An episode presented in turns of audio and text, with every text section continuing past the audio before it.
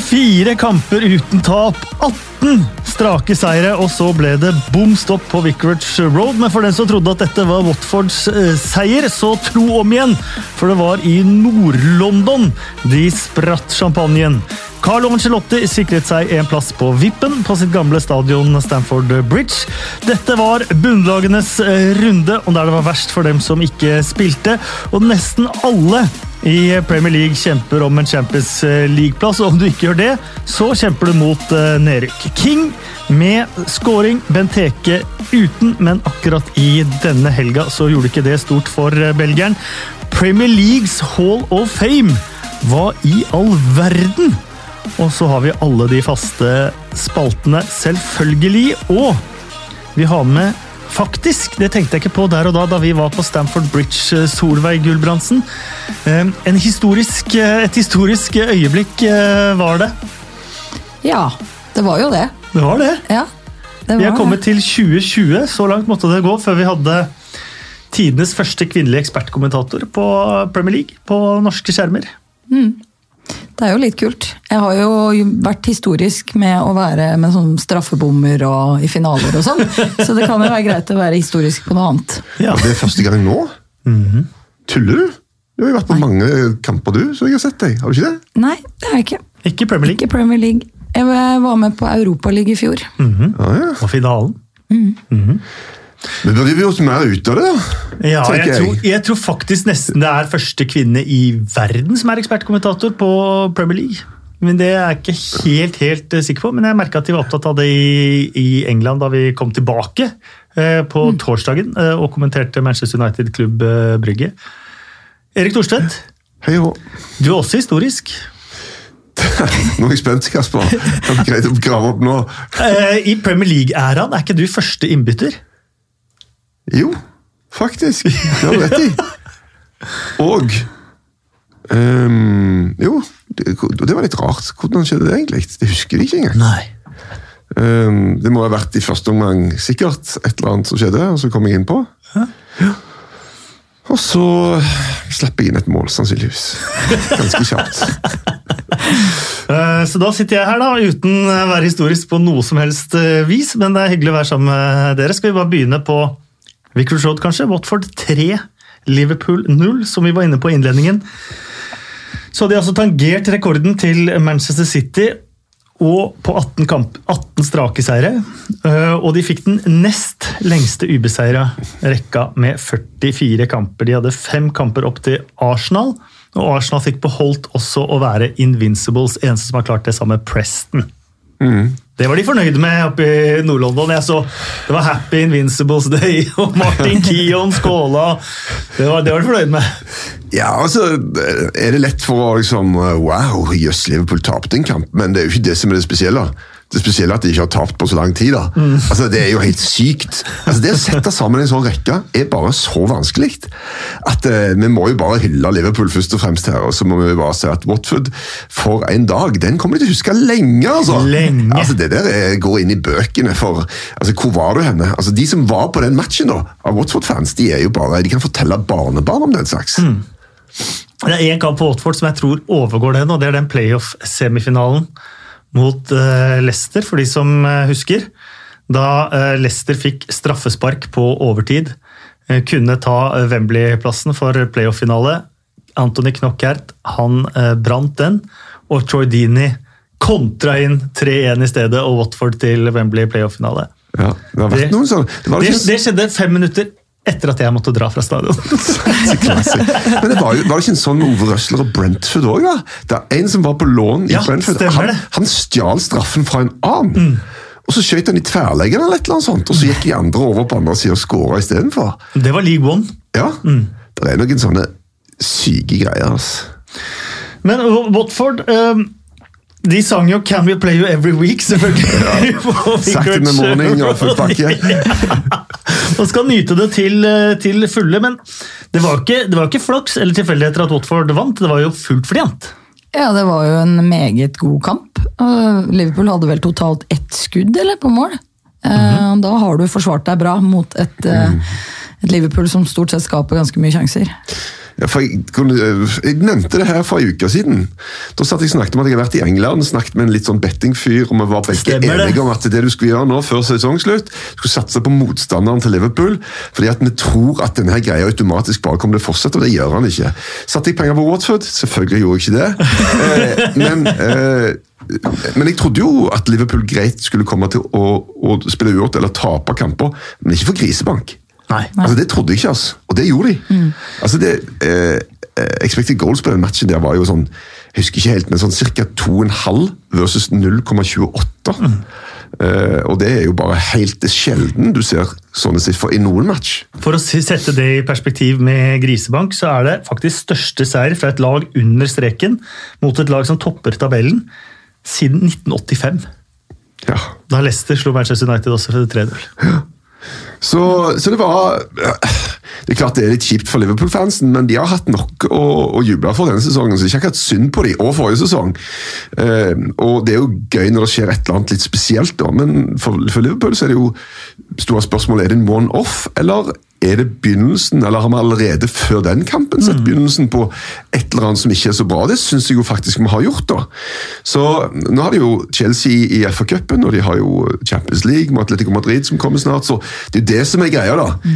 Eh, nå må de bare back on track og, og få eh, begynne å spille sånn som de har gjort igjen. For, for noe av de greiene som har skjedd i disse to kampene, òg mot Westham Og Norwich, egentlig. ja, ja. og kanskje til og med Atletico Madrid, skal mm. ta med det også, selv om Ja. de var ikke dårlige der, altså, selv om de tapte. Ja. Så, så er det noe der som er sånn Det er vi ikke vant med å se fra Liverpool, liksom. Ehm, ja, er det Kan man si at det er en blipp, eller kan man eh, være bekymra litt nå mot de viktige kampene som kommer? nå? For Premier League, det vinner de.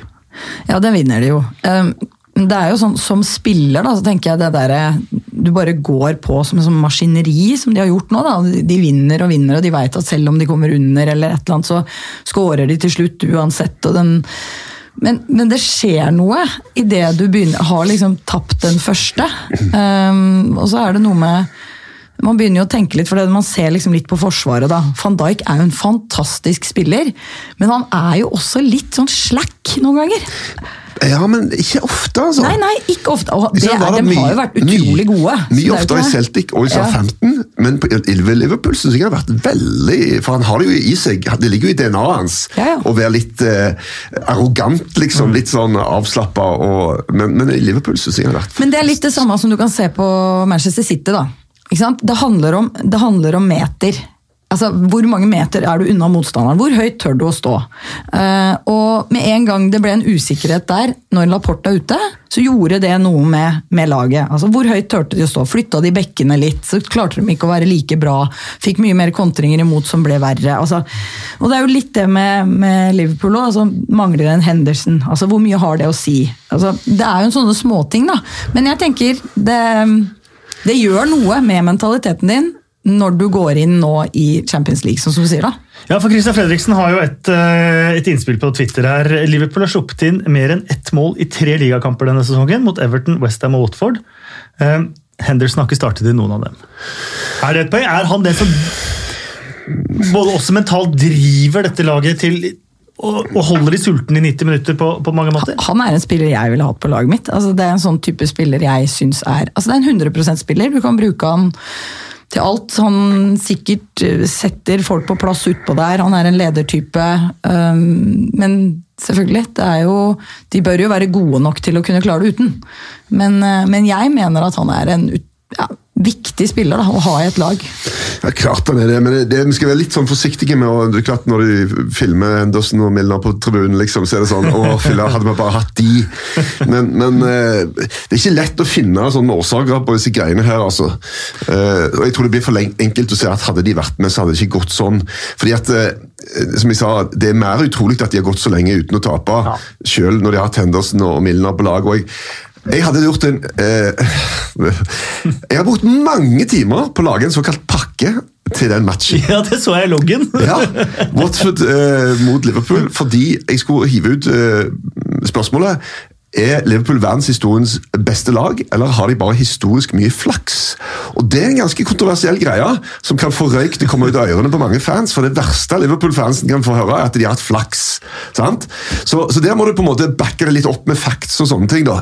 Men jeg tenker jo i utgangspunktet at, at flaks har et altfor dårlig rykte. da. Klopp sa jo 'in football and in life, without luck you got no chance'. Og sånn er det jo. Og Jeg har liksom gått gjennom alle kampene som Liverpool har spilt, da, og sett at de har ikke hatt griseflaks i noen kamp. Eh, og så har du mange som sier sånn, ja, sånn flaks med var. Det er piss! Ærlig alt, det er ingenting med saken å gjøre. Sjansen for at de skal eh, bli mer rettferdig med var, er jo mye større enn med, med vanlig dømming uansett. Så det er skader, da. Ja, altså det der har ingen, ingen sans for argument. Skader, ja, flaks med skader. Har de det? Jeg har brukt fire midtstoppere, to keepere, midtbanen har vært rullert på masse ganger. Til og med framme i angrepsrekka har de hatt, hatt uh, utskiftninger. Uh, men, men stang inn, stang ut, det går det an å, å, å se, da. Sånn at jeg tenker jo at bare ved aldri har hatt uflaks, så har de hatt flaks. Fordi alle lag har uflaks av og til. Men det jeg fant som var litt kult, når jeg dypdykka litt i disse tallgreiene, er for Det er noe som heter expected points, og det er hvor mange, lag, eh, mange poeng både lagene har hatt ut ifra expected goals for og imot. Og Den tabellen sier jo at Manchester City burde lede, og det er jo helt vanvittig når du ser hvor mange poeng foran Liverpool er.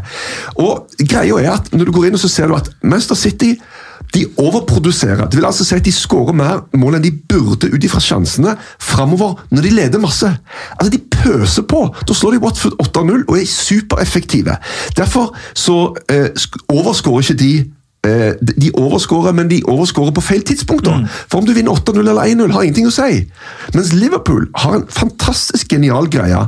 Når det er uavgjort, så overproduserer de offensivt. De framme de skårer mer enn de burde gjøre på sjansene sine. De er effektive. Men med en gang de har kommet, tatt ledelsen, så skårer de ikke mer framover. Men da stepper Forsvaret opp, og slipper inn mye mindre enn det de burde ha gjort. Så de har bare fiksa De, de spytter i trynet på expected goals på rett tidspunkt, på rett måte. da. De har bare knekt koden fullstendig. Og Det må en jo faktisk eh, beundre. Og så må det likevel gå an å si at ja, når du setter sammen en sånn rekke, så har du hatt litt flaks, og så måtte jeg bare kaste hele Hele greiene jeg hadde jobba med. Når de taper 3-0 mot Watford, skal vi ikke sitte og snakke om ja, men har de hatt flaks. Altså, det, åh, jeg fikk brukt det nå, da. Takk skal du ha. Ja, men det var fint. Det var veldig fint. Og så må vi snakke om uh, Watford. Uh, Troy Deeney hadde denne kjempemissen på Old Trafford. Uh, understreket vel at han var på hevntokt uh, for den missen hjemme mot Liverpool. La seg på Dejan Lovren. Uh, Dejan Lovren Ofte. Ja, og Dejan Lovren han bare tenkte jeg skal gå i duell med han, jeg samme hva som skjer på resten av banen.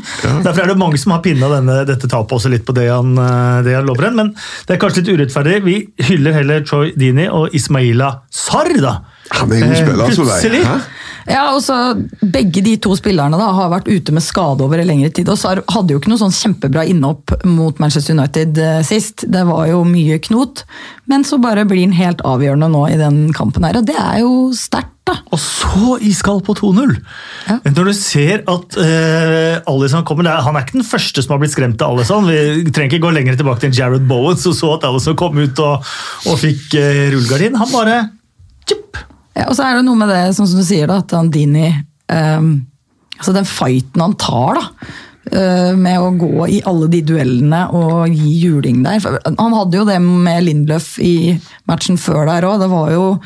Men der tapte han litt flere. Men han hadde, som du sier, det, han gikk vel inn for at nå Og det, de går jo til den kampen og har jo ingenting å tape. Nei, De gikk litt samme innstilling som Westham jo. Ja. West Ham var kjempegod på Liverpool. Akkurat som de var sånn Ok, uh, nå skal vi bare senke skuldrene, klinke til. Og så syns jeg eh, Kasper, at den til Bowen er mye mindre enn Sars sin. Ja, ja. mer skrått. Absolutt. Jeg bare kom på et eksempel på en som uh, fikk litt hetta. Det gikk langt bedre for Jared Bowen da det var uh, Alex McCarthy som, Ja. som kom ut. Det kommer vi Og det var til. fint mål, men det er greit. Uh, skal vi gå til gårsdagen? Everton 1, Manchester United 1. Everton tok jo ledelsen innen 3-4 minutter på en, en klassisk keeper skal sparke ut uh, ballen og sparke rett i meg. Calvert Lewin. Bruno Fernandes, selvfølgelig 1-1. Masse kontroverser på slutten da Calvert Lewin via Harry Maguire eh, tenkte at han hadde vunnet kampen på overtid.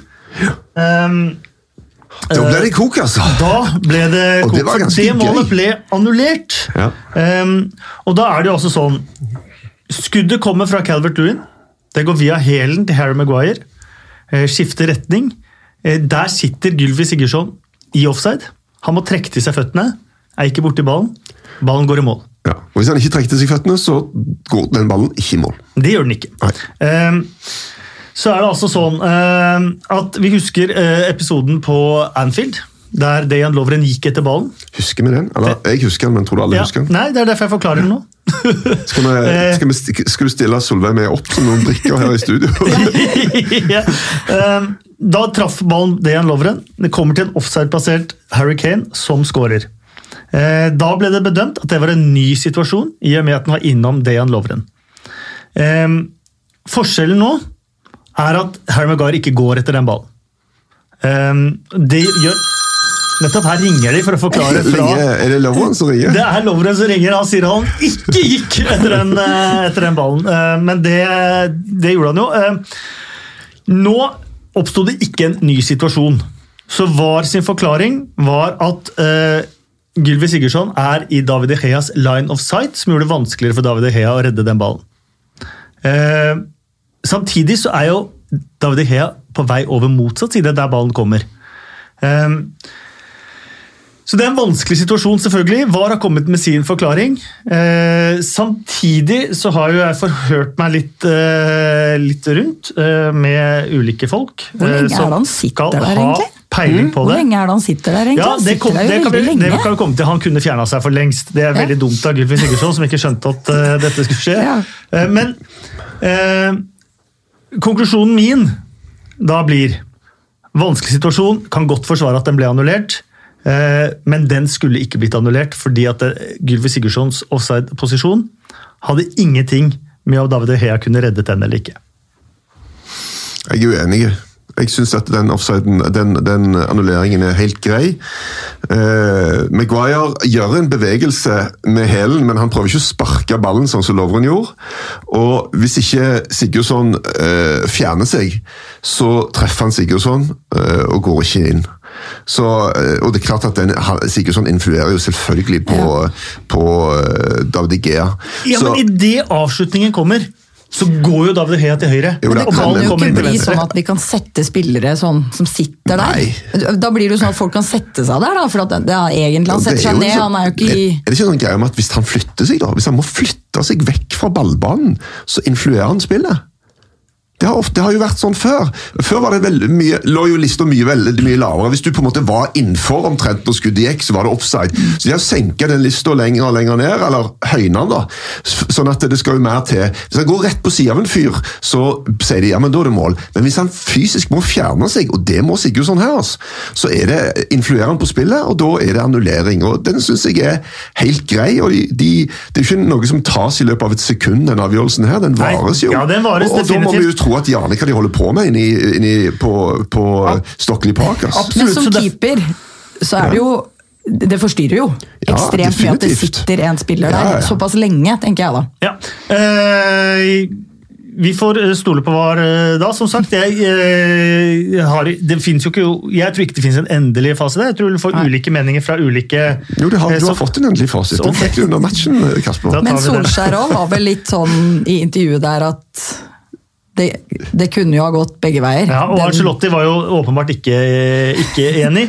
Eh, Men eh, Erlend Riksheim Thomassen eh, spurte på Twitter om han kunne få en eh, oppklaring hvorfor Maguires involvering opphever offsiden på Evertons etter scoring, eh, slik som Loveren opphevet offsiden da Kane fikk straffe mot Liverpool i februar 2018. Da har vi, håper jeg vi har oppklart det, og så Ja. kom vi til litt ulik konklusjon.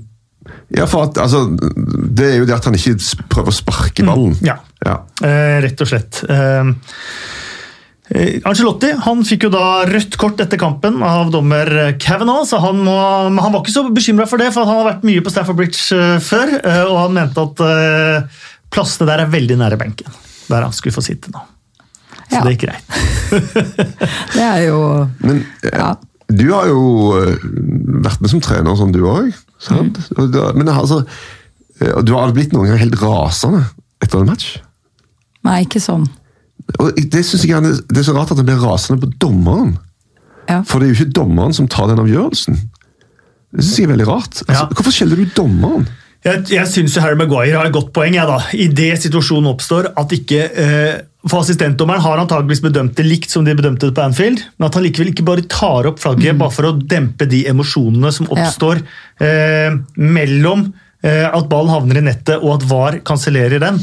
Det ville jo kontrollert situasjonen i en langt større grad. Der syns jeg Maguire faktisk har et eh, veldig godt poeng. Ja, i det sa jo jeg, og jeg opplevde jo i den Champions League-kampen at det er utrolig behagelig at en assistentdommer faktisk flagger når han mener det er et veldig tydelig offside, og så må da Mm. hoveddommer ta en avgjørelse, eller de har kommunikasjon, og at VAR ser det, for det gjør noe med situasjonen. Ja, det gjør det. Det blir ekstreme emosjoner om man tror man har avgjort mot Manchester United tre Jeg minutter tror det har bare blitt verre. Det det hadde fungert som et rødt flagg. Eller rødt og gult flagg. um, Buttonwood eh, har lyst til å skryte av Endre Olav, og det er jeg helt enig i. Jeg husker ikke, men eh, Buttonwood husker det på Twitter. Eh, EO, som før sesongen sammenlignet Dominic Calvert-Lewin med Kane, mener han virkelig hypet Calvert-Lewin i alle fall, og det skal han ha kred for. Vanvittig god denne sesongen, kanskje ikke helt sammenlignbar med Kane, mer upolert og fysisk, men virkelig bra. Det må jeg si er en ganske god sammenligning. Dominic Calvert-Lewin har vært fryktelig Han begynte å skåre masse mål. da. mye av de samme Ja, ja. Også, eh, men han er jo eh, kjappere enn Kane nå, altså. Ja. Det er han. Så en større bakgrunnstrussel. Og så har jo uh, Angelotti gjort noe med han. Vi så jo at han jager ned den uh, De Gea på den skåringen, men han har sagt at han ikke skal ikke springe så mye hyttepine. og pine. Vi trenger deg foran mål, uh, så det er fint at du er, er tøff i presset og sånne ting, men uh, prøv å holde deg sentralt. Og Det er ganske godt råd til en fyr som skal prøve å skåre mye mål. da. Um, Solveig eh, smilte. Ja, det er jo et godt poeng, det.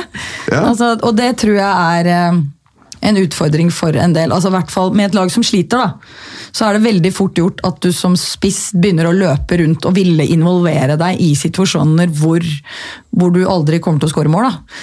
Eh, så det å la komme tilbake til det og liksom, ja, holde deg mer i boks. Men, men altså, fortsatt viktig at han gjør den jobben han gjør. Det presset i det defensive når du skal gjøre det. Ja.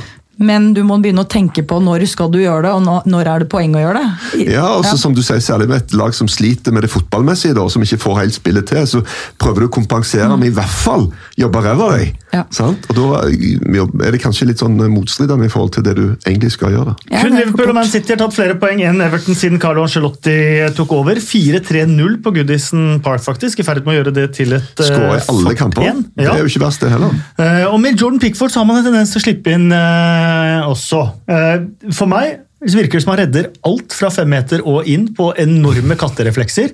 Eh, alt annet, der er det sjappas. Skuddet nå Ja, fra utafor. Han er vel en- den som har sluppet inn flest mål fra utafor 16 denne sesongen i Premier League. En reell eh, diskusjon om hvem som står i mål for England, tenker jeg. da. Med Henderson, som jeg, jeg syns er veldig veldig bra. Altså. Ja, Jon Håkon Nybakk eh, Ja, det var faktisk ikke om England, for det snakka vi om forrige gang, men eh, om Dean Henderson for Manchester United. David De Gea Ja. også med en ny tabbe. Ja da. Så den sitter nok altså De har nettopp skrevet under en ny gigakontrakt. Eh, så han tjener sikkert 20 ganger så mye som Henderson, tenker jeg.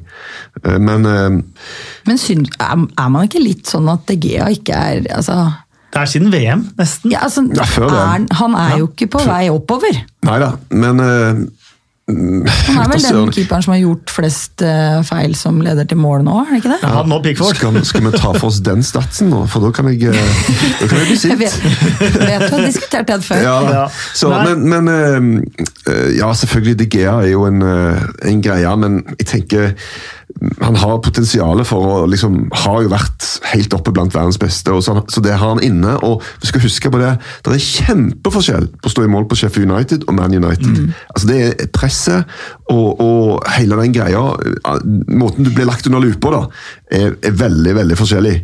Men så tenker jeg at han, Henderson har så god grunnteknikk, da, at han, han har så veldig mye inne. Men skal ikke legge tilbake igjen til U21 EM, ja. E- EM, var det, ja. Der han var helt ræva. Helt! Ja.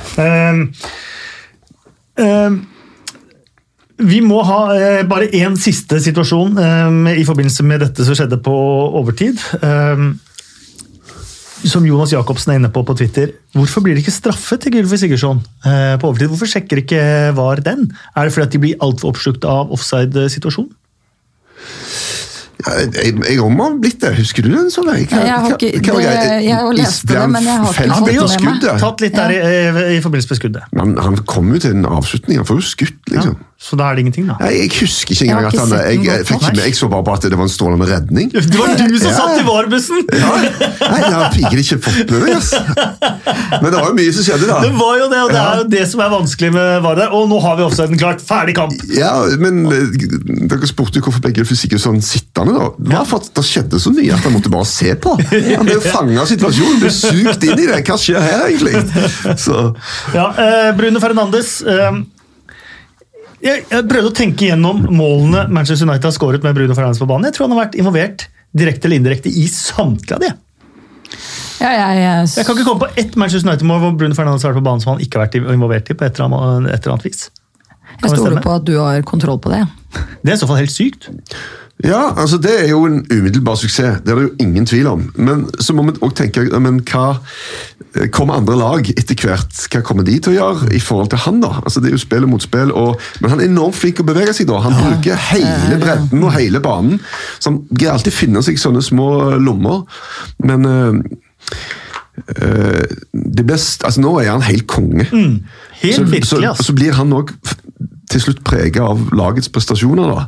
Blir han dratt ned? Altså, hvor han, hvis, hvis Man United ikke har suksess de neste par åra, så kommer du òg til å høre sutring om Bruno Fernandes. for Det er liksom bare sånn som mekanismen er. da. Mm. Men foreløpig så må vi bare si at eh, skryte av, av innkjøpsgreiene til Man United. Nå har de plutselig begynt å ja, treffe. oss. definitivt. Ja, og han er en meget god fotballspiller.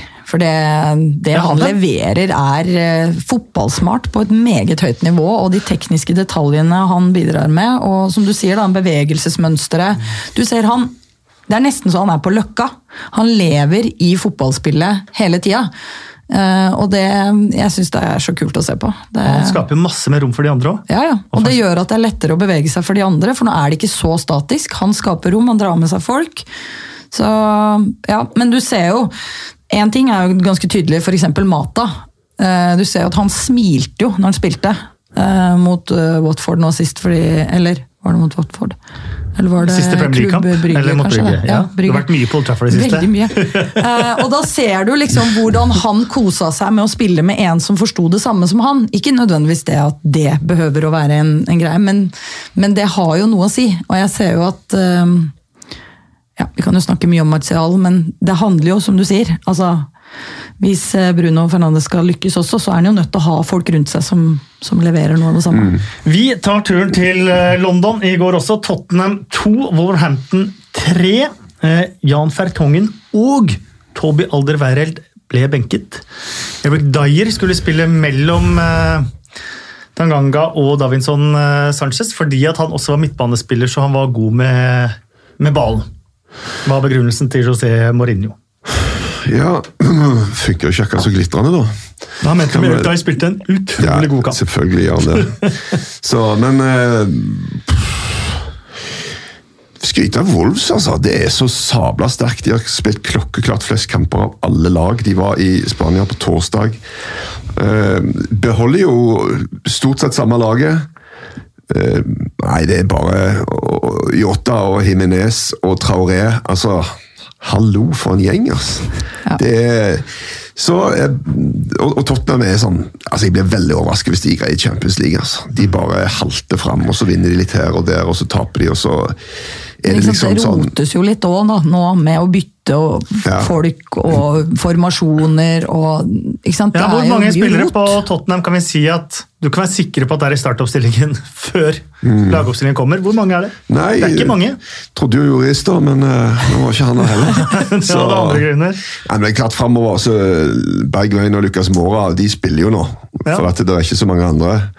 Så Du har en tre-fire, kanskje maks, Ja. av spillere på Tottenham på, av elleve som du kan skrive opp på arket på forhånd før Ja. lagoppstillingen kommer, og det er jo ikke bra.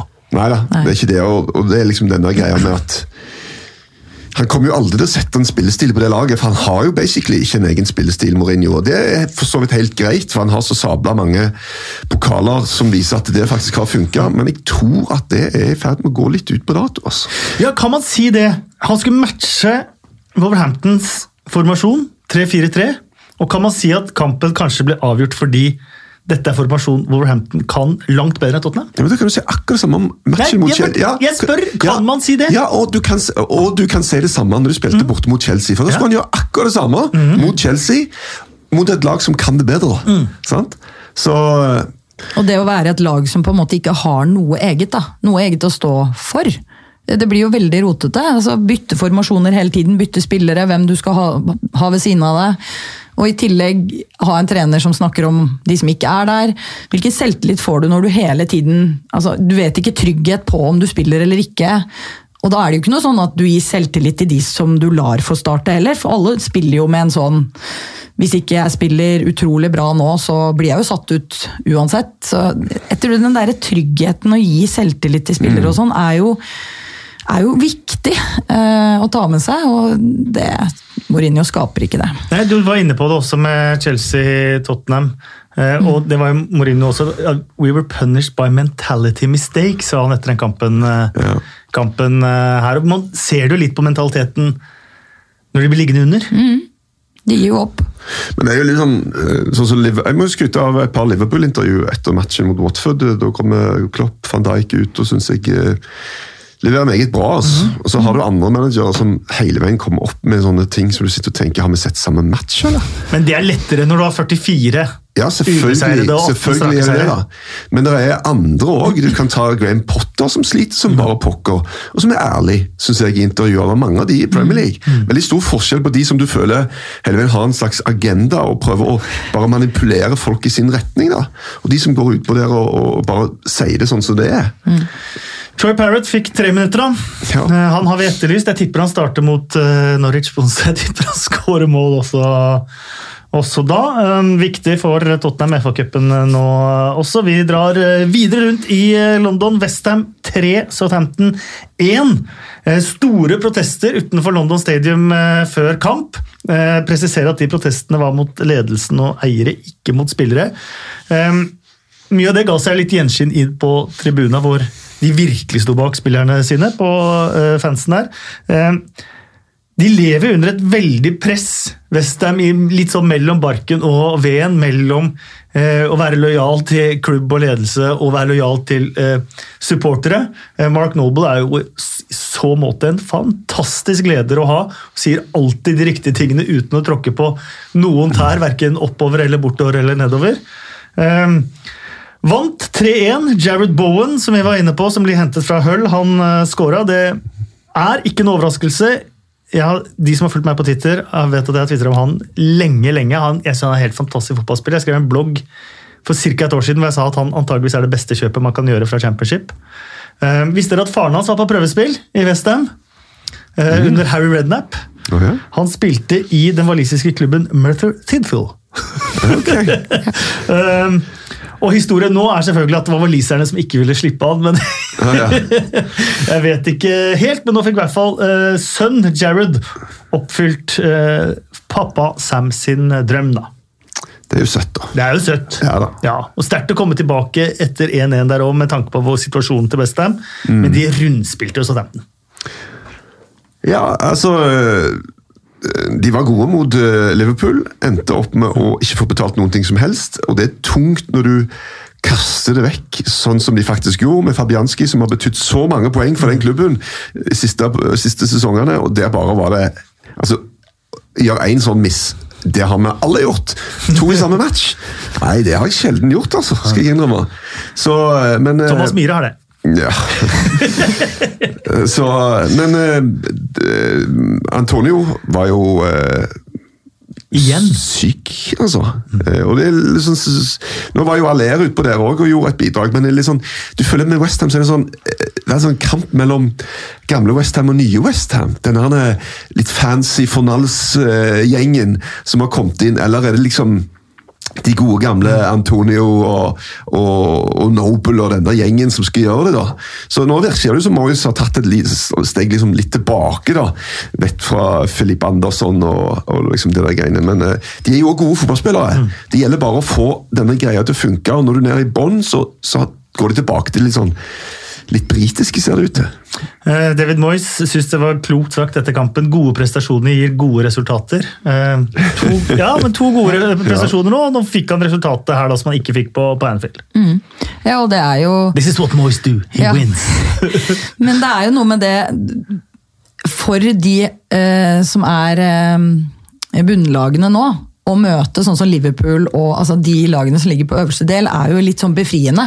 Det er ikke de kampene de skal ta poeng. Og da kan de egentlig liksom slippe seg litt løs og få med seg Og da får de med seg en god opplevelse fra den Liverpool-matchen som du kan ta med deg inn. da.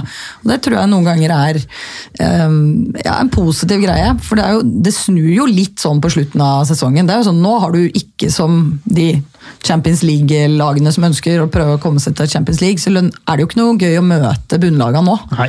Men eh, også så I kamp mellom gamle og nye Westham så ser jeg jo at både Fornals og Aller de var jo utpå, og Fornals fikk jo betalt for skåringen sin mot Liverpool. da. Og Aller sine Rabona gjennom til Ja, ja, ja. Og når han knuser McCarthy i lufta der. Mens Filippe Andersson og Lanzini, da, selv om Lanzini har vært der ganske lenge, så er jo det eh, ja, de er litt mer sånn, hva skal du si, feinschmeckere på mange måter. Jeg elsker Lanzini. jeg.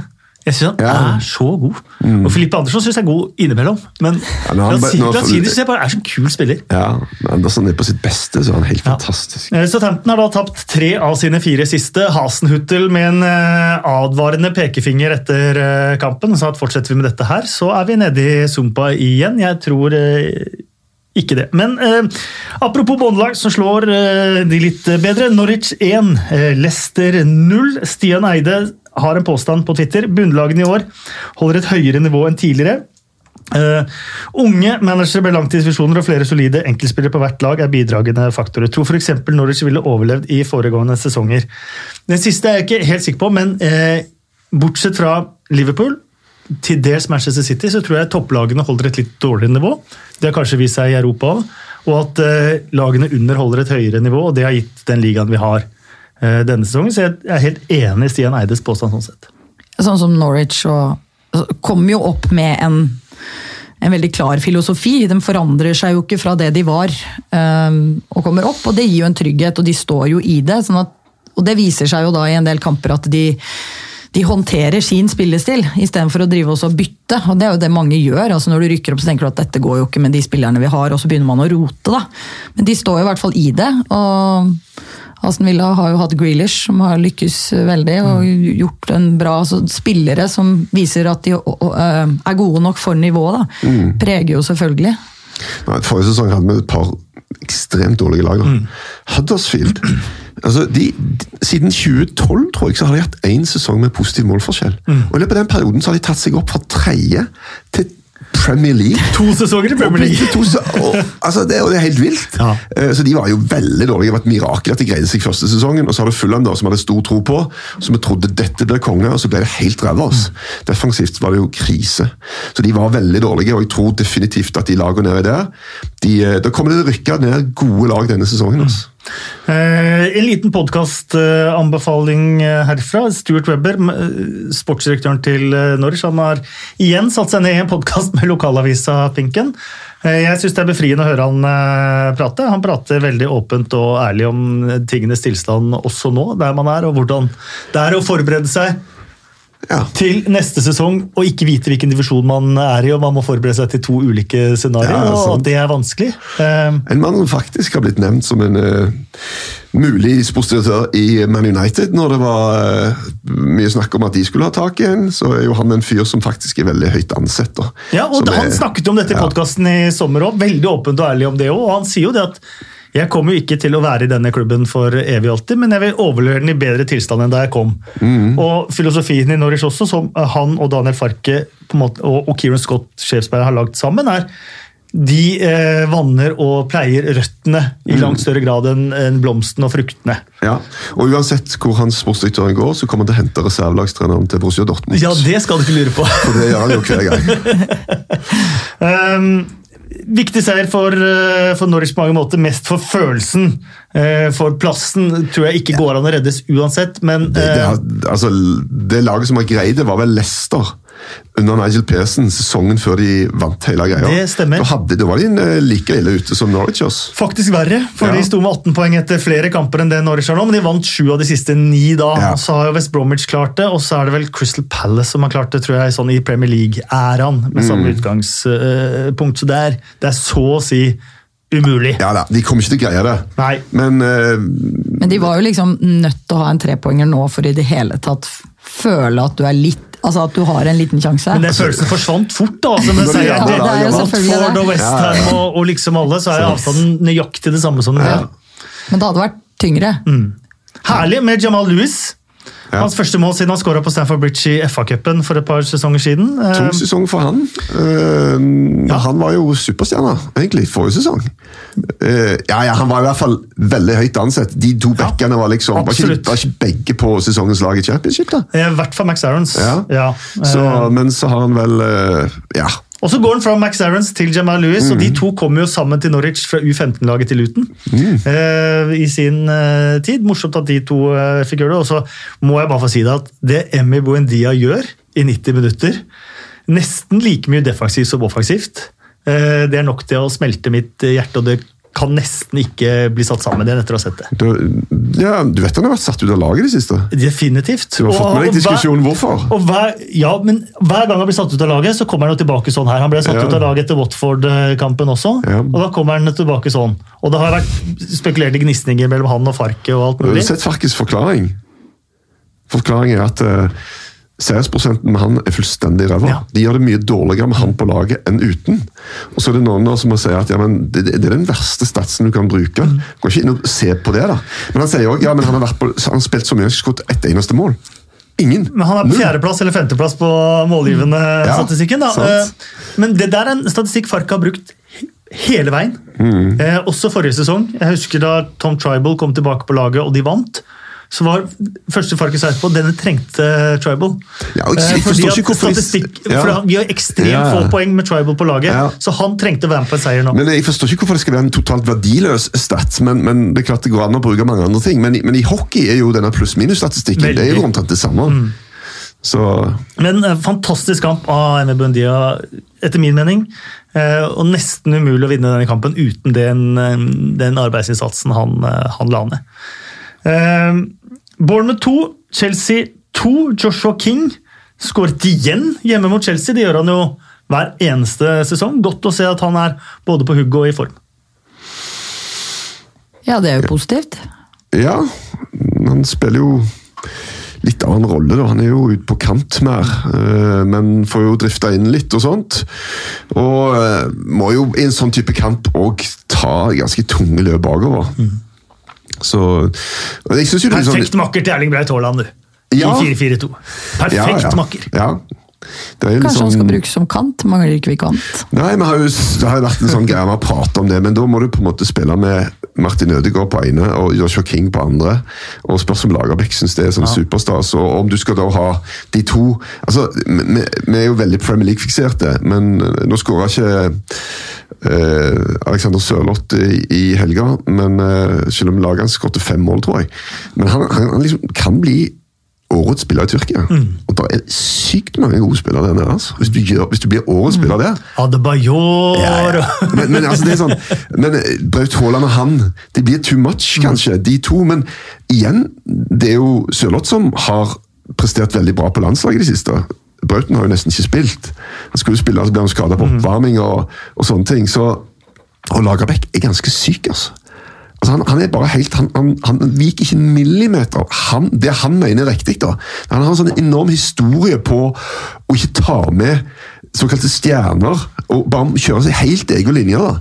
Og har jo suksess med å, å gjøre det òg, da. Så, Men det er jo utrolig Ja, viktig å sette sammen ja. noe som fungerer. Så, for det, det er jo altså, det er ikke helt umulig at han bare sjokker alle med å ha Brauten på benken. altså. historisk å drive og sette alle de beste spillerne du har, og plassere de i posisjoner de ikke er vant til å spille, er jo ikke veldig Vi hadde en periode under Sem hvor vi spilte med en fire-fem-seks spisser fra start, som indre, Steffen Iversen som indreløper, og Flo på kant. og det var, Og alle spilte fra start? På, ja, alle spilte fra, fra start. Og jeg er fra start, du sa ja. for start, jeg. Sorry. Ja, Hmm. Um, Jakob Andersen spør på Twitter bør, Blir det dårligere nå, så, så skrur folk av. oss. ja. Eh, bør Marcos Alonso starte på topp for Chelsea mot Everton? Han er den eneste som skårer resten for dem nå. Nei, men han bør i hvert fall gjøre det mot, øh, mot Liverpool i cupen. Ja. Du klarte å ta et tak ned. Godt, godt jobba! um, Espen Tangstad påpeker nå Chelsea har ikke vunnet to kamper på rad i Premier League på fire måneder, men er ennå på fjerdeplass. Sist de vant to på rad, var mot Watford og Palace i november. Mm. Det virker litt shaky både egentlig for Leicester og Chelsea oppe i topp fire der. Ja, det gjør det. Det er jo, altså, nå er jo vi kunne jo sagt det var ustabilt, men da er det jo ganske stabilt at de spiller annenhver match bra, egentlig. Um, men det er jo ikke bra nok Eller det er jo bra nok når alle de andre lagene driver og roter, men nå er jo Wolverhampton er jo ganske stabile, da. De er det, men, men Wolverhampton er jo ikke et De spiller en god del uavgjort. De skårer ikke veldig mye mål, selv om de skårer tre nå. Mye beundra med det laget. Veldig stabile, veldig vanskelig å bryte ned, men, men øh, de høvler jo ikke nesten ikke over noen. Altså, de, de, Høvla over Norwich. ja, kanskje. Men det er jo viktigere å ta trepoengere enn Ja for mye uavgjort, sånn totalt men, sett. da. Men, men da kommer altså, da er det Wolverhampton som bare stabiliserer seg inn i topp fire, liksom. For at de er bare de er bare jevnt gode, da. Eh, mens alle de andre er enig med det påstanden om at eh, nivået der oppe er dårligere. Altså, for at de Altså, Leicester, hva har de gjort? da? Gå inn og se på den rekka med kamper de har. Det er ikke bra. To av altså. siste sju de har vunnet Ja, ja. Ja. Eh, Brighton 0, Crystal Palace 1. Et av de rareste eh, hatoppgjørene i engelsk eh, fotball. Stammer tilbake fra tidlig 70-tall og bare blitt eh, verre og verre. Inkluderer både Alan Mullery og Terry Venables og Gus Poyet. Ja, Alan Mullery var det faktisk. Han. Så, Um, han har vært manager for begge, og han kasta vel Ja. småmynter eh, til eh, Palace-fansen. Dette er det dere har vært. ja. Um, tror det var noe med å gå inn i motstandergarderoben og hive noen penger på gulvet og si eh, det er alt dere har vært. Og, ja, Så hadde vi bæsjeepisoden Ja. Mm. eh, for noen år siden også, men det viste seg å være Chris Palace sin egen bussjåfør, ja, som blei dårlig i magen. Eh, ikke noen fra Brighton. men han oppnådde jo hensikten da, med å lage Hekkan for Brighton. Så, men i hvert fall, det var eh, veldig urettferdig. At Palace skulle vinne den matchen der. Og jeg Det kan du si. Veldig synd på, eh, på, på Graham Potter. Som eh, han, altså, han gjør egentlig alt rett, rett. De spiller en bra match, og så får de bare ikke ballen inn i mål. Altså. Og da er det jo sjakkmatt. Altså. Eneste lag av 91 i ligasystemet uten seier etter nyttår er Mm. eh, Brighton. Christian Benteke med en kjempekamp! Ja, og en kjempemiss. Ja, selvfølgelig! Ja, og igjen det der litt uh, flakkende blikket etterpå. som er sånn, Ops, så folk denne? Blir han filma? Kommer det på TV? Altså, ja, det var ikke, Men, men uh, igjen, og, som jeg snakket litt om, kanskje du kompenserer da, når du vet at akkurat nå så er jeg helt fullstendig ræva foran mål, men nå må jeg gjøre alt annet bra. da. Men den målgivende den hadde vi hylla hvis det var en artist ja, det som var fin, altså. Ja, virkelig. Ja. Så, uh, og så har de jo en gedigen sjanse rett før slutt, da. Eh, der Tosun skal prøve å skåre sjøl, men det blir vel en pasning til Saha, er det ikke det? I Som skyter i stanga. ja. Ja. Så, men eh, eh, Brighton rykker ned, de. Oh, ja. Ja da, det gjør de. For at eh, Jeg gikk gjennom alle matchene. Jeg fant ut at to kamper de bare absolutt må vinne. Det er to hjemmekamper. Det er med Palace og Newcastle. Og så taper de mot Palace. og da, altså, De har jo borte mot Norwich igjen. Ja, det har de. Det men- er ikke vanskelig. det er, Nødvendigvis. De er jo ikke, de er jo ikke favoritt der. Brighton har vunnet to bortekamper hele sesongen. Jeg lover deg at Buckingham kommer til å ha Norwich som favoritt. Ja, ja. Så, så den Det kan, de kan vinne, og på slutten så hever jo De som må vinne, gjør det jo ofte, da. Men de har et knalltøft kampprogram igjen, Brighton, og jeg tror dessverre de ryker. Vi må snakke to eh, ord om eh, litt spesielt. Eh, Wilfried Saha gikk jo ut i eh, avisa og, og, og beklaget seg litt over at han er forhatt, føler i hvert fall det selv. Så derfor får sånn ut nå. Ja, og det er jo sånn som De legger ikke noe demper det på motstanderens supporter at du snakker sånn i avisa, og i hvert fall ikke hos eh, innbytter Skelotto, Ja. som passer på å, eh, å utnytte Sahas eh, sinnstilstand. Spesielle scener, da. Ja, jeg så ikke akkurat det, så det kan jeg ikke... Nei, Han sparka en ball i Sahar, og så sto han og gjorde sånn grinetegn. Grinetegn og sånn. Ja. Fikk faktisk gult kort som Ja, da, uten det. å være på banen. Og det er klart, Ja. det, det, Det er, noen som blir, det er noen som spiller bedre av den slags, og det er noen som blir satt ut. og Jeg syns faktisk det intervjuet med Saha var ganske fint, da, for at han sier Hvorfor skal jeg være the bad guy? Hva, hva har jeg gjort? Vi, vi spilte mot Colchester nå. Til og med de bua meg! Hva har jeg gjort Colchester? Altså ingenting! Og så sa han videre at eh, det dummeste jeg hører, er når folk sier at du må ta det som et kompliment. At folk prøver å sette deg ut fordi du er så sabla god. Og så sier han hvis jeg må forlate stadion på krykker, da, etter blitt sparka ned igjen og igjen, skal jeg ta det som et kompliment? Så jeg, jeg syns det er noen sånne Stirling har vi jo snakket Ja, om før. Sterling, det og, og, og det er noen som rett og slett bare Det har noe med å gjøre og hvor gode de er. Mm. Det er ikke de dårligste spillerne som havner i den greia, det er de gode spillerne. Også, men, men det er likevel ikke rettferdig. Altså. Nei, enig i det. Uh, uh, Newcastle 0, Burnley 0. Uh, fjerde kampen på rad Newcastle ikke skårer. Eh, som langt bedre ut. De la om til fire bak. Skapte flere sjanser enn de har gjort eh, nesten så lenge jeg kan huske denne sesongen. Eh, likevel ingen scoring. Alan Shearer slakter i Match of the Day innkjøpspolitikken til Newcastle. Joe Linton har én skåring. Ja, men det er så, jeg har veldig veldig lyst til å se noen av de slakte det idet det skjer. Ikke sitte i etterkant og slakte, for da er det jo Nei. dritlett. Da har du fasiten, da. Men vi er jo av de som sitter og vurderer transfervinduet og sånt, og Westham vinnere, kjempebra. Og så sitter vi noen måneder senere og bare sier alt er ræva. Og det er jo, for å si det litt brutalt, dårlig stil. Jeg syns det er mye bedre å legge hodet på blokka når, eh, sånn som med Trevor Morley i studio i går, eh, som hadde lyst til å ta Martial. Og, og det er et bra tidspunkt, for Martial har akkurat skåret mye mål. Han har vært bra, han har vært hylla. Og da, hvis du er litt tøff da, og tør å på en måte gå litt mot strømmen For vi kan ikke bare sitte og hylle alle når det går bra, og så må vi ta dem når det går dårlig. Vi må prøve å se litt forbi det, da. Ja, så er det noe med, altså, det er jo ikke bare å hente en spiller. Altså, vi snakker om et overgangs... Altså, du kan ikke bare finne, altså, finne en spiller og så si den spilleren her vil jeg ha, og så kan du gå og ta den. Det er jo ikke så enkelt. Nei, men og det så, er ganske vanskelig å finne spillere og få de til å fungere inn i et miljø, altså uansett hvilken kultur. Men Altså, så, som det er ikke så da. enkelt å hente spillere. Joelinton nekta Rafa Benitez å hente for den prisen. Før han eh, gikk av. Jo, uh, og men, men det er jo Rafa Benitez hadde godt poeng. altså det er jo ikke en del av en hvem eier sannheten-greia oppe i Newcastle. Der Benitez selvfølgelig prøver å komme fra det med verdighet når han stikker, eh, og tar med seg Rondon.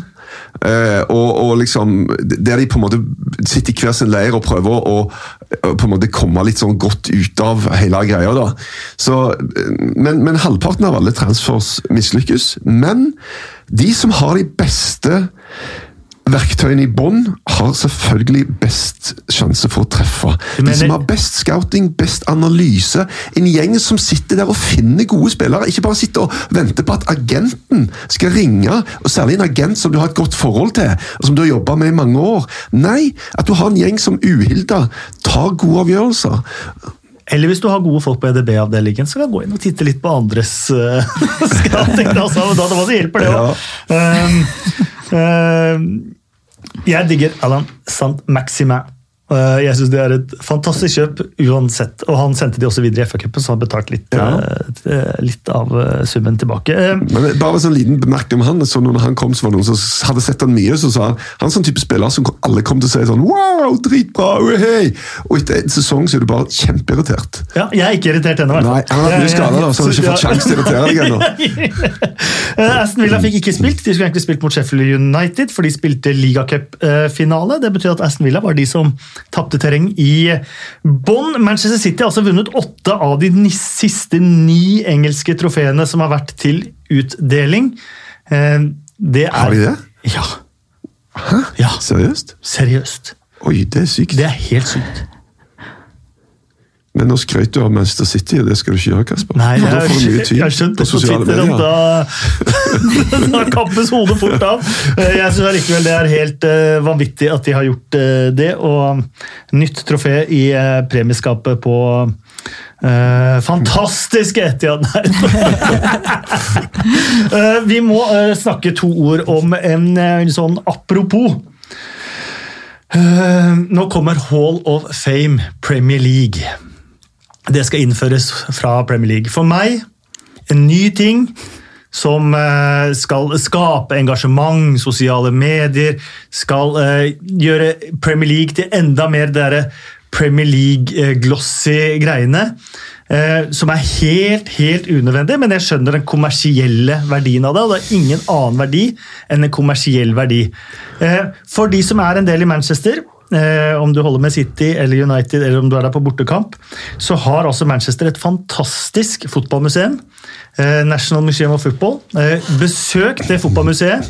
De driver med masse utrolig bra ting for engelsk fotball. Eh, De har en nettside som heter English National Football Archive. Enfa Co Den abonnerer jeg på. og Der ligger det statistikk fra 1888 og fram til i dag. De har historikere ansatt som gjør en fantastisk innsats, og de har en Hall of Fame for engelsk fotball fra 1888 til i dag. Du trenger ikke nødvendigvis ha spilt verken i øverste divisjon eller noe annet for å komme i den engelske fotballens Hall of Fame. Justin Fashanu, den siste eh, spilleren som ble innlemmet i Hall of Fame hos, eh, hos eh, National Football Museum. Eh, de har kvinner også eh, i Hall of Fame for engelsk fotball. Å innføre en eh, sånn Premier League Hall of Fame kun av kommersielle hensyn. Det må man være så ærlig at man ser at det er det. Er med på å devaluere det de har holdt på med der i mange mange, mange, mange år. En fantastisk jobb eh, for å eh, cashe enda mer inn på Premier League-produktet, er min mening. Så kan noen andre mene noe annet. Nei, Det er sjanseløst etter den tiraden der. Kasper. Da må vi bare skal stille i båten og bare vente til det bare går over. Så nei, jeg, jeg må innrømme at jeg driter i sånn Hall of Fame. Altså, Og hvor mye? Hall of Fame kan være i en Ja, liga ja. som liksom har holdt på i 25 år? ja, nei, ja, det er bare, bare. Eh, Og det er bare for å skape diskusjon og bør han være med. Åh. Og jeg, alle sånne individuelle Jeg må innrømme sånn Årets spiller og sånt òg. Orker ikke, gidder ikke. Er, fotball er lagspill, og vi skal hylle gode enkeltutøvere, for de betyr mye for om laget vinner eller ei. Men jeg, med, spillerne òg, i hvert fall når jeg var der. Så lenge de ikke blir valgt sjøl, de kan bare F i hvem som ble årets spiller, og om det blir han eller han eller på laget ditt. altså Ingen brydde seg i det hele tatt. Ass. Jeg skal være med på Årets spiller og årets lag. Jeg skal ikke være med på Premier Leagues Hall of Fame. Nye nyheter om de første nominasjonene som skulle komme 14. eller 16. mars. Eller, Men er det sånn at hvis du har vært uh, første innbytter i Premier League, altså blir du da automatisk, Automatisk. automatisk. Eller er det mer en sånn Hall of Shame? Paradoksalt nok så står Shearer med 260 Premier League-mål som eh, rekord. Han har skåra 272 mål. Ja. I den øverste divisjonen. Jeg syns Det er helt latterlig. Ryan ja, ja, Giggs det det. sin antall rekord Premier League-kamper, og så har han langt flere kamper Ja, ja. i den øverste divisjonen. Det blir helt dumt. Helt sykt. Ja. Altså, det, det, jeg var der jo når de la om til Premier League, og alle var på, de bare liksom sånn ja, 'Hvordan skal dette her gå?' hva dette her? Ingen forskjell. Drit i det. Ingenting med dere å gjøre. Det betyr null og niks. Spill fotball, Hmm. carry on. Og det er jo sant. Det er jo ikke noen forskjell fra ene sesong til den andre. Det var akkurat likt. Nei. Så eh, nå bare kutter vi alle VM-er fra før 1990. Og så glemmer vi eh, Maradona 86, vi glemmer Pelé, vi glemmer Garincha, vi glemmer Gerd Müller, vi glemmer Just Fontaine, vi glemmer alle sammen. Fotballen starta i 1990. Skal vi gjøre det? Eh, ja, men jeg var litt interessert i det 1888-arkivet, for det var da du sa, var det ikke det? Hæ? Hva var, uh, Har du noen expected goals-tall fra, fra oh, ja, den sesongen? og ja? da var jo Preston fikk jo veldig godt betalt i sin Invincible-sesong. Men så ga det seg utslag sesongen etter, da, da de tapte allerede i andre serierunde mot Gjorde Aston Villa. ja. Oi. Mm. så det holdt ikke veldig langt, den, eh, den rekka. Men det de gjorde utrolig i 1888-89-sesongen Preston, som er det eneste som har gjort, var at de var invincibles da de tok the double. Så de var invincible ja, ja. både i ligaen og i FA-cupen, og det har ingen andre klart etter. Vært litt spesielt hvis de var invincibles uh, i, uh, i ligaen, men ikke i cupen, men tok the double. Den, Ja, den, det den, hadde har jeg lyst til å se. Det hadde ikke gått. Det var moro å se på. Morata var kjempegod. Hva i all verden? Han snakka ikke om seg sjæl, han snakka om dommeren. Da går vi til eh, blomster og kaktuser og sånt. Rundens eh, blomst eh, Det er selvfølgelig Ismail Azar, Dini og Watford går igjen i sosiale medier. Veldig. Eh, Eating Sod har en bukett til Deolofeo, som uh, trenger å få med seg den inn på, på sykehuset. Hva ble det med han? Eh, Har du lest hva det var? Vet ikke, men det så jo ikke bra ut. Nei, ikke bra i det hele tatt. Og han var jo kjempegod. Han Det kunne gjort sånn som den skotske, prøvd også å slå Ja. leddbåndene på plass. Dra tilbake, de inn. Ja, der har det ryket noe bånd i den, det kneet der. Det er ikke Det noe var tvil om. det var ikke pent. Har dere noen andre forslag? Det, jeg- det, jeg hadde vel mye av det samme, men jeg syns kanskje Duncan Ferguson der, for å hente inn Ja. Angelotti og roe ned alt, Ja. det er jo Tenk at det skulle Ja, bli Duncan Fergusons oppgave! Ja, Skulle trodd at det var omvendt, men nei da. Så Men skal vi bare sende alt vi har til eh, Elton Johns eh, gutter? Ja, jeg syns det. Det er jo eh, litt sånn som når Mike Tyson uh, tapte første gang. Buster Douglas? Ja, liksom, du må overvinne en mental barriere. Du må faktisk tro at dette kan du greie. Uh, så uh, ja, Watford er denne ukas Mike Tyson-beseirer. Buster Douglas, som vant i Tokyo, tror jeg. Og det husker jeg når jeg sto opp. for jeg så ikke Ja, nei, jeg også i Sto opp, jeg trodde ikke Hæ?! Det var bare sånn et sjokk, ass. Um, øyeblikket. Det er fort å dra den til uh, Vicarage Road òg, men du har jo den der på Goodison Park, f.eks. Skåring som ikke blir skåring. Ja, det er jo et øyeblikk, selvfølgelig. Men uh, et bestemt øyeblikk Ja, det som jeg husker, er jo den at Gylfis ikke sånn trekker til seg beina. Altså, det tror jeg kommer til å huske i mange sesonger. ass. Det bare sitter der. Så har jeg det en million ganger òg, da. Det gjorde du. Men eh, Ja, da går vi for, eh, for det som øyeblikket. Kaktusen, jeg gir den til eh, Premier Leagues Hall of Fame. Dere kan gjerne du vet at du ekskluderer deg sjøl, her. Kasper. og Jeg ikke kan komme i Premier Leagues Hall of Fame. Ja, Når du eh, går såpass tøft ut mot selve konseptet, så er du offside med en gang. jeg kommenterer min siste kamp, 91 år gammel der, og skal introduseres i Hall of Fame, og jeg dessverre må takke nei pga. podkast i 2020. Ja. Ja. Nei, jeg, jeg Han er jo en uh, godslig fyr, og han, eh, det er kult å se han i Everton, men jeg tenker at når Angelotti står og skjeller ut dommeren for en vareavgjørelse og får rødt kort, så tenker jeg da kan du ta med deg en kaktus på veien opp på vippen på Stanford Bridge. Jeg er ikke uenig i det. Jeg er ikke uenig i det. Kaktus, ja. Nei, altså, jeg vil jo gi kaktus til sånn uh, nonchalant frispilling inn i egen 16, så det blir liksom litt til DG, egentlig. For jeg syns jo det der er noe vas. Flere som er enig med deg på Twitter. Nei, jeg liker ikke det. Det har jo et visst, visst Ja, ja, ja, masse. Det er jeg helt enig i, men jeg skjønner ikke Og du må i hvert fall være litt mer stressa. Begge skåringene jo- begge skåringene kommer av den der spille seg ut bakfra fra inni egen 16-meter. Ja da, og, og, men Det var det mye styr med det på El Clásico i går òg. Ja, altså det er bare mye greier. Men det blir jo selvfølgelig Det er jo mer underholdende. Det blir det jo. Men det er så rart, for han er jo så upressa. Ekstremt upressa. Du ser han er Lewin utrolig rolig. har ikke lang tid på å tenke kanskje jeg skal stikke bort Ja. til han der det her Og han, han akselererer jo ikke egentlig for å bare hoppe inn på siste hoppet. Så, men ok. Mangla bare at VAR skulle annullere den for at han gikk inn med knotter. Ja. Det har vært en peak VAR. Ukjent helt. Der har jeg en god kandidat. Uh, Trygve har kommet med Jared Bowen. Uh, uh, Sindre Taulo Sandstad har kommet med Jamal Lewis. Jeg eh, introduserer Simon Bennett. Han er så ukjent at ingen vet hvem det er. Assistentdommeren på Vickers Road som ikke bedømte ballen fra Viljus ute til innkast. For det, Det- gjør assistentdommere ja, det- så ofte. Det er faktisk en ekstremt bra eh, call, det, altså. For at det irriterer meg alltid òg. De, Ja, ja. sånn, de er så vinkehappy at de bare tenker at nå må jeg få vist meg fram litt. Her skal jeg ta opp flagget. Ja. For det skal faktisk sabla mye til for at ballen er ute. ja. Altså, da skal han være, du skal nesten se, liksom, Det skal være luft mellom ballen og, og streken, da, og det er det jo sjelden. Nei. Så nei. Good spot. Kasper, Ja. har du lest det et annet sted, eller kom du på det sjøl? Kom på det helt selv, for de som har hørt meg kommentere fotballkamper Du pleier å lukke øra, det vet jeg. Vet du, Det irriterer meg mye over ball som er sånn to tredjedels ute som blir vinka på. Ja. Og jeg var sikker på å skulle vinke på det hælspark til Willius. tenker jeg, nå vinker jeg. Så kom aldri noe flagg. Ja, at de kom seg ut av den, og så var det bare ett spark. Ett og så var den bare rett gjennom. Ja. Um, da går vi til Bill Edgar.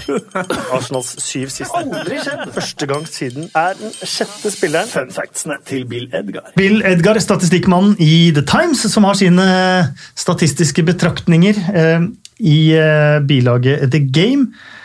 eh, hver mandag. Ligacupen, Manchester City mot eh, Aston Villa. Så skåret eh, Sergio Aguero i det 18. minuttet i 2018-ligacupfinalen. Han skåret eh, i det 20. minuttet i 2020-ligacupfinalen. Det er første gang det har vært målskårer fra tre ulike kontinenter i, eh, en ligacupfinale. Aguero fra Sør-Amerika, Rodri fra Europa og Mwana Samata fra Afrika. Eh, Fortsatt ligacup. Engelske managere har kun vunnet én av de siste 72 engelske trofeene som er delt ut, og én av de siste 104 europeiske klubbtrofeene som er delt ut. Oi, 104, men da tenker de f.eks. Bundesliga sånn. Nei, de tenker er nok europacuper. Men det er jo sykt! European Eh, Club Trophies. Så Sam Allardyce eh, han bare blåser seg selv opp. Han er ikke så bra som han påstår. Nei, jeg tror kanskje ikke Semaras har eh, helt den track recorden. Eh, Coventry City på toppen av tabellen i League One, og det er første gang de har ledet en tabell etter jul siden 1967. For en følelse. Hva synd er i såpass langt ned i systemet, da, men eh, Du, de, det er jo toppen det- uansett. de hadde den verste, verste statistikken for inntil et par år siden. Ja. Fra eh, 1970, tror jeg det var, til nå 2018 eller sånt nå. De hadde jo 23 år i den øverste divisjonen før de rykka ned, blant annet. Eh, Og så rykka de ned til Championship og så rykka de ned til League One. I løpet av eh, de godt over 40 årene så var de aldri topp seks i noen liga. Ja. Uff, tenk så tungt å være fan da! Ja. Men eh, eh, jeg har en eh, gammel lagkompis eh, fra Tottenham som skåra selvmål i FA Cup-finalen mot Coventry. Og I 1987. Ja, fanzine på I, Coventry tror jeg at det er Gary Mabbits 9. Mm. For det er, altså det er kåra han, sånn kåring av tidenes Coventry-spiller. Lurer på om Gary Mabb ble valgt som nummer én. Ja. For hvor mye har de vunnet? De har ikke vunnet mye, altså. Nei. Og det kneet var jo det som eh, ga de seieren. Fantastisk. eh, Ja, og halvannet år senere ble de slått ut av uh, conference-laget 17. Ja, faktisk. 2-1. Keith Housen ble matchvinner i den cupfinalen, tror jeg. Ja. I 87. Men hadde liksom ikke nevnt. Det Han ble ikke nevnt det Gary kneet. Mabbits eh, ni. Eh, Liverpool er i ferd med å legge til sine 18 eh, ligatitler, sånn at det blir 19. Men i den 18. kampen de har spilt på Vicarage Road, der de var på en 18 kampers seiersrekke, så ble de slått av et Watford-lag som har vunnet 18 poeng under Nigel Pearson, og som var 18 plasser bak Liverpool ved kickoff. Det er bare til å lene seg tilbake og enjoy og ta bølgene. Altså, Solveig, hva sier du når, du når han drar opp sånne ting? ass? Bill Edgar er fantastisk. Hæ? 18. Men idet Liverpool trodde de kunne gjøre mer enn å tangere Manchester Citys rekord, faktisk slå en rekord, så klarte de faktisk å slå en rekord i den kampen. Eller var Watford som slo den. Første gang i den øverste divisjons historie, eh, siden da 1888, har et lag som har ligget 55 poeng bak et annet lag, slått det. Ja. Det er ikke ofte et lag har ligget 55 Nei. poeng bak. Nei. Men det ser, altså 55 poeng! Det sier litt om, det sier jo mest om sesongen til Liverpool, da. Så Nei, det, ja. det Jeg gleder meg til fortsettelsen her nå. Om, de, Ja. om de bare er back on track, altså, eller om det der greiene kommer til å prege dem. Ja, det de har blir ikke sett spennende. bra Det er ass. Chelsea og det Atletico. De ser er- så liksom, trege ut og lav energi og ikke sånn som vi er vant med. Og så spørs om det brer seg en usikkerhet nå, eller er det bare sånn vinnermentalitet. Henderson skada, få han utpå likevel. La han bare stå der. Det gjør hele forskjellen. Men dette er jo bra, da, for det, alle har jo snakka om det er kjedelig å se, for Liverpool vinner jo hele tiden uansett. Men nå er det jo litt interessant. Det blir veldig veldig interessant, spesielt med FA Cup og Champions League. altså. Det Ja. blir spennende. Eh, før vi går på og avslutter podkasten med fem kjappe spørsmål, så skal jeg bare minne om at vi er på Twitter. To PL-pod heter vi der. Der kan du finne det min nye lille hobby. Quizene jeg lager på Sporkle. Eh, linker til de quizene de finner du på eh, Twitter-kontoen 2PLpod.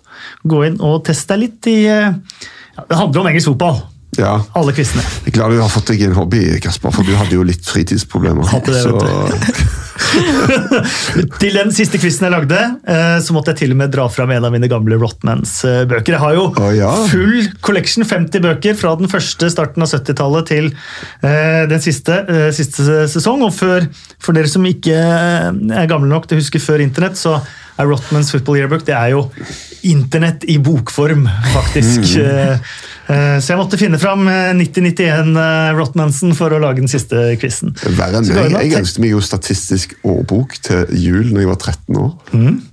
De er fine. Eh, Tall. Det, det er kjempebra. Det står mye kult der. Ja, Altså, ikke det. engang. Seriøst. Ja. Uh, nei, det hender jeg må Låner du den ut, eller? It's mine. All mine. Um, og så er vi selvfølgelig på Hvis du har eh, hørt oss på iTunes, så er det kjempehyggelig om du bare eh, klikker deg inn på iTunes igjen når podkasten er ferdig, og slenger inn eh, gjerne fem stjerner og en eh, hyggelig kommentar. Og så får vi ta slakten på Twitter på 2PL-pod. Vi er bedre til å ta det der. Er dere klare for fem kjappe spørsmål? Ja. Ja. Og det var veldig Kjempe- forsiktig, ja. Solveig. Hvem havner til slutt øverst på tabellen av Leicester og Wolverhampton? Leicester. Eh, Wolverhampton. Oh. Hvilke engelske lag avanserer i Champions League? Liverpool og Man City. Eh, ja, Liverpool og Man City gjør det. Tottenham sjanseløse mot Leipzig. Ja. Ja. Og Chelsea rykker mot Ja, Chelsea er nok Så da, er eh, ferdig. Forlater Jack Grealish Aston Villa etter denne sesongen? ja. Hvor mange poeng trengs for å overleve i Premier League denne sesongen? 37. Å, det er ganske lite. Nei. Det er høyere enn snittet, men ganske Ja. lite med tanke på utgangspunktet nå hvor du ligger på 27 under streken med ti kamper igjen. Ja, skal vi se hva snittet er. Snittet er 36. Eh, Jeg er ganske sikker på. Men, men men eh, ja, Bournemouth ligger under nå, da. De har 27 poeng på 28 kamper. Mhm. Så hvis jeg sier 36, så er det jo sånn cirka rundt det. da. ja, Men, eh, Og så er det mange lag som ligger på det samme. da. det er akkurat det, vet du. Så um, Jeg tror kanskje litt flere denne sesongen. Hva tenker du, Solveig? Nei, det er jo Ja, det er jo som du sier. Det er fem kjappe jo- spørsmål, dette her. Ja, det var fem kjappe, ja. ja det glemte jeg. Nei, men si eh, Tja 38, kanskje? 30, ja. skal alltid være litt bedre, hun. Ja, liksom alltid, litt høyere enn meg. liksom. Blackpool rykka ned med 38, ja. husker du det? Lykker ned med? 38 Blackpool, Jeg tror Western rykker ned med 41. jeg. 42. 42 ja. Så det går an, det òg. mm, Men det er jo helt uh, abnormalt, da. Det er det. Mm. Hvor Ab mange Abnormalt, heter det det? Det Er ikke bare unormalt? Hvorfor sier jeg abnormalt? Høres Du er litt veldig opptatt av appsene dine. Det vet jeg. Abnormal! ja.